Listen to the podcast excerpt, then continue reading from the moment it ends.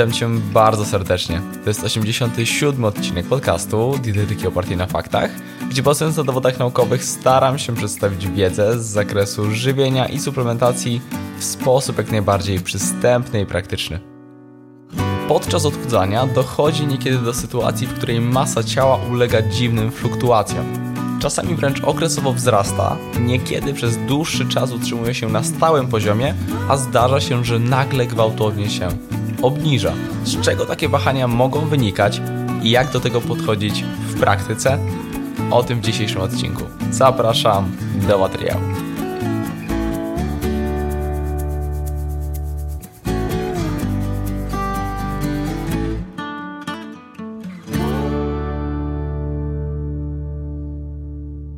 Wahania masy ciała dotyczą każdego z nas, natomiast w praktyce nabiera to w pewnym sensie szczególnego znaczenia dla osób odchudzających się. Wówczas oczekuje się, by cyferki szły w dół, a nie skakały.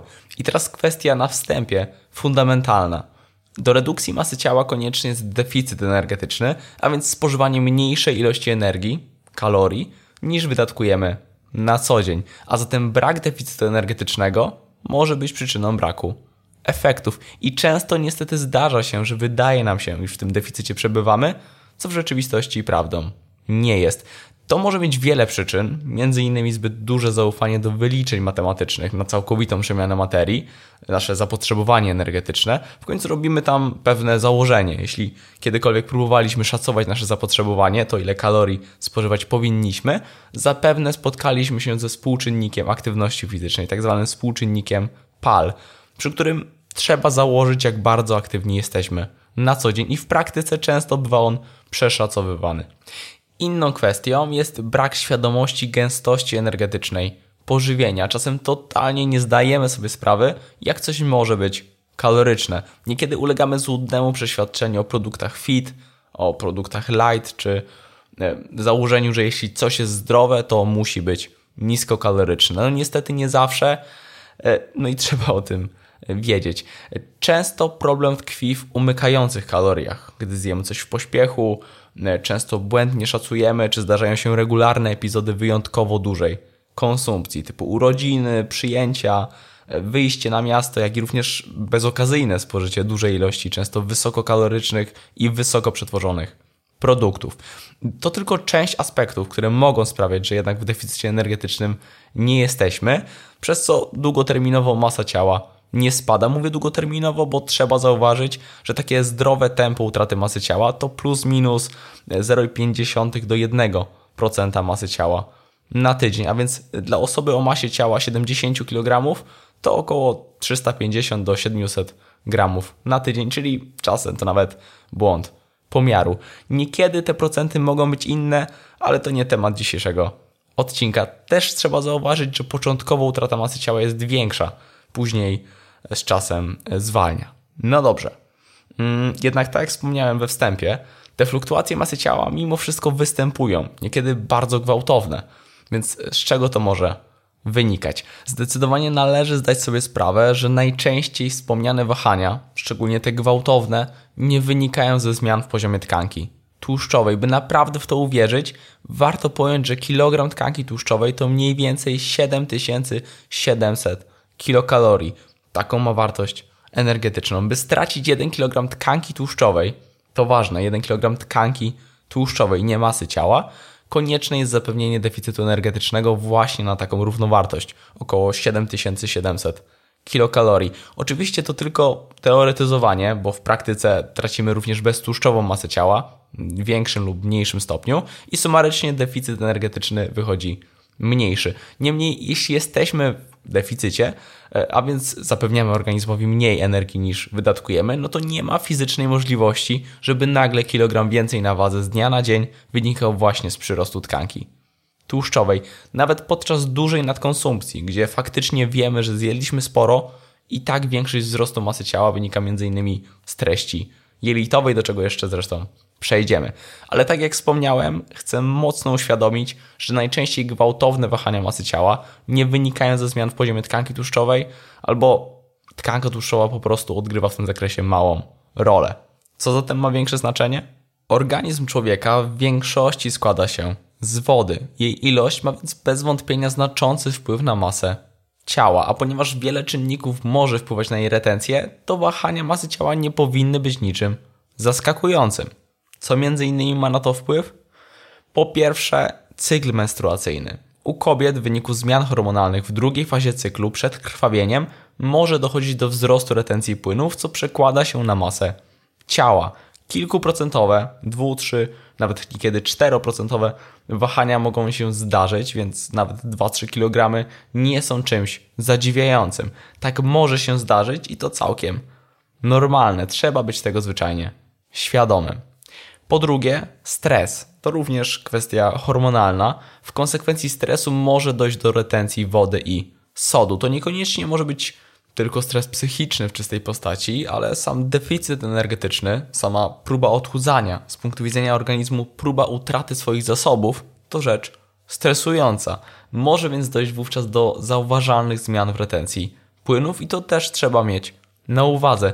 Przykładowo przerwy w odchudzaniu mogą w tym potencjalnie pomóc. Po trzecie, sól. Otóż gospodarka wodno-elektrolitowa logicznie i nierozerwalnie ma wpływ na retencję płynów. Zarówno na przykład nadmiar sodu, jak i niedobór potasu mogą być przyczyną zwiększonej retencji płynów. Sprzyjać temu może wysoko przetworzona żywność, na przykład fast foody. E, nawodnienie zresztą też tu może odgrywać istotną rolę. Po czwarte, niektóre leki czy choroby. Przyjmowanie leków hormonalnych, np. E, glikokortykosteroidów, może wpływać na znaczną retencję wody i sodu. Podobnie może być z niektórymi chorobami dotyczącymi np. serca, nerek, wątroby czy tarczycy. Po piąte, węglowodany. Glikogen wiąże około 3-4 gramy wody na każdy gram, więc posiłek bogaty w węglowodany również może mieć w tym zakresie znaczenie, szczególnie e, na przykład u osób, które stosują diety niskowęglowodanowe. Ten efekt mocno widać właśnie przy zmianie diety z niską podażą węglowodanów na dietę wysokowęglowodanową. To oczywiście nie oznacza, że węglowodany są złe, tylko trzeba mieć taki fakt na uwadze i to też nierozerwalnie wiąże się z mm, szóstym e, punktem, treningiem, zarówno w zakresie wypłukiwania glikogenu mięśniowego, jak i utraty płynów. Po prostu wpływa na masę ciała i w drugą stronę regularny trening może prowadzić do zwiększenia możliwości magazynowania glikogenu e, mięśniowego. E, I to nie wszystko. Fluktuacje masy ciała to też może być konsekwencja właśnie treści jelitowej, treści pokarmowej. Jemy różnie, wypróżniamy się różnie, a to, co się tam znajduje, wpływa na cyferki na wadze. Raz nieco więcej, raz nieco mniej błonnika, e, różna objętość i masa pokarmu.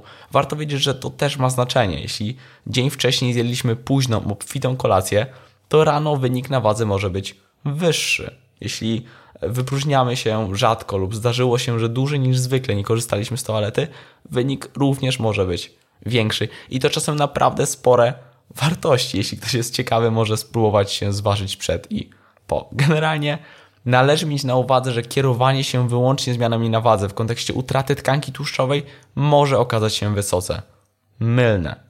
Jeśli jesteśmy w deficycie, to fizycznie jest niemożliwe, by nagle kilogram więcej na wadze oznaczał dodatkowy kilogram tłuszczu. I to też działa w drugą stronę. Kilogram mniej na wadze z dnia na dzień, choć może cieszyć, niestety nie oznacza wyparowania kilograma tłuszczu. Należy zwyczajnie wiedzieć, że wahania czasem naprawdę duże, po prostu mogą wystąpić, niezależnie od zmian w poziomie zatłuszczenia. I biorąc pod uwagę to, że utrata samej tkanki tłuszczowej jest powolna, może wynosić około kilkadziesiąt gramów na dzień, powtórzę, gramów na dzień, to z tej perspektywy inne czynniki prowadzące do fluktuacji na poziomie jednego, dwóch, a nawet są przypadki, że więcej kilogramów, no nie oszukujmy się, znacznie przeważają nad zmianami w tkance tłuszczowej. No dobrze, ale co w takiej sytuacji, gdy nagle pojawi się więcej na wadze? Przeważnie nie ma powodu do obaw i wystarczy poczekać. Sięganie w desperacji po diuretyki też nie jest rozważnym zachowaniem i pragnę przed tym uczulić. Utrata masy ciała nigdy nie jest liniowa. I może się też pojawić pytanie, jak zatem często się ważyć? Czy stosunkowo rzadko, na przykład raz na tydzień, na dwa tygodnie, czy codziennie i na przykład y, wyciągnąć na tej podstawie średnią. Właściwie nie ma na to odpowiedzi jedynej właściwej. Zdarza się, że ktoś bardzo emocjonalnie podchodzi do zmian w masie ciała i na przykład nagły wzrost mógłby zdemotywować do dalszej pracy i być dużym stresorem, a z drugiej strony ważenie się rzadko jest podatne na błędy, że na przykład akurat tego dnia jest wyjątkowo mniej lub wyjątkowo więcej, właśnie ze względu na czynniki, o których było wcześniej.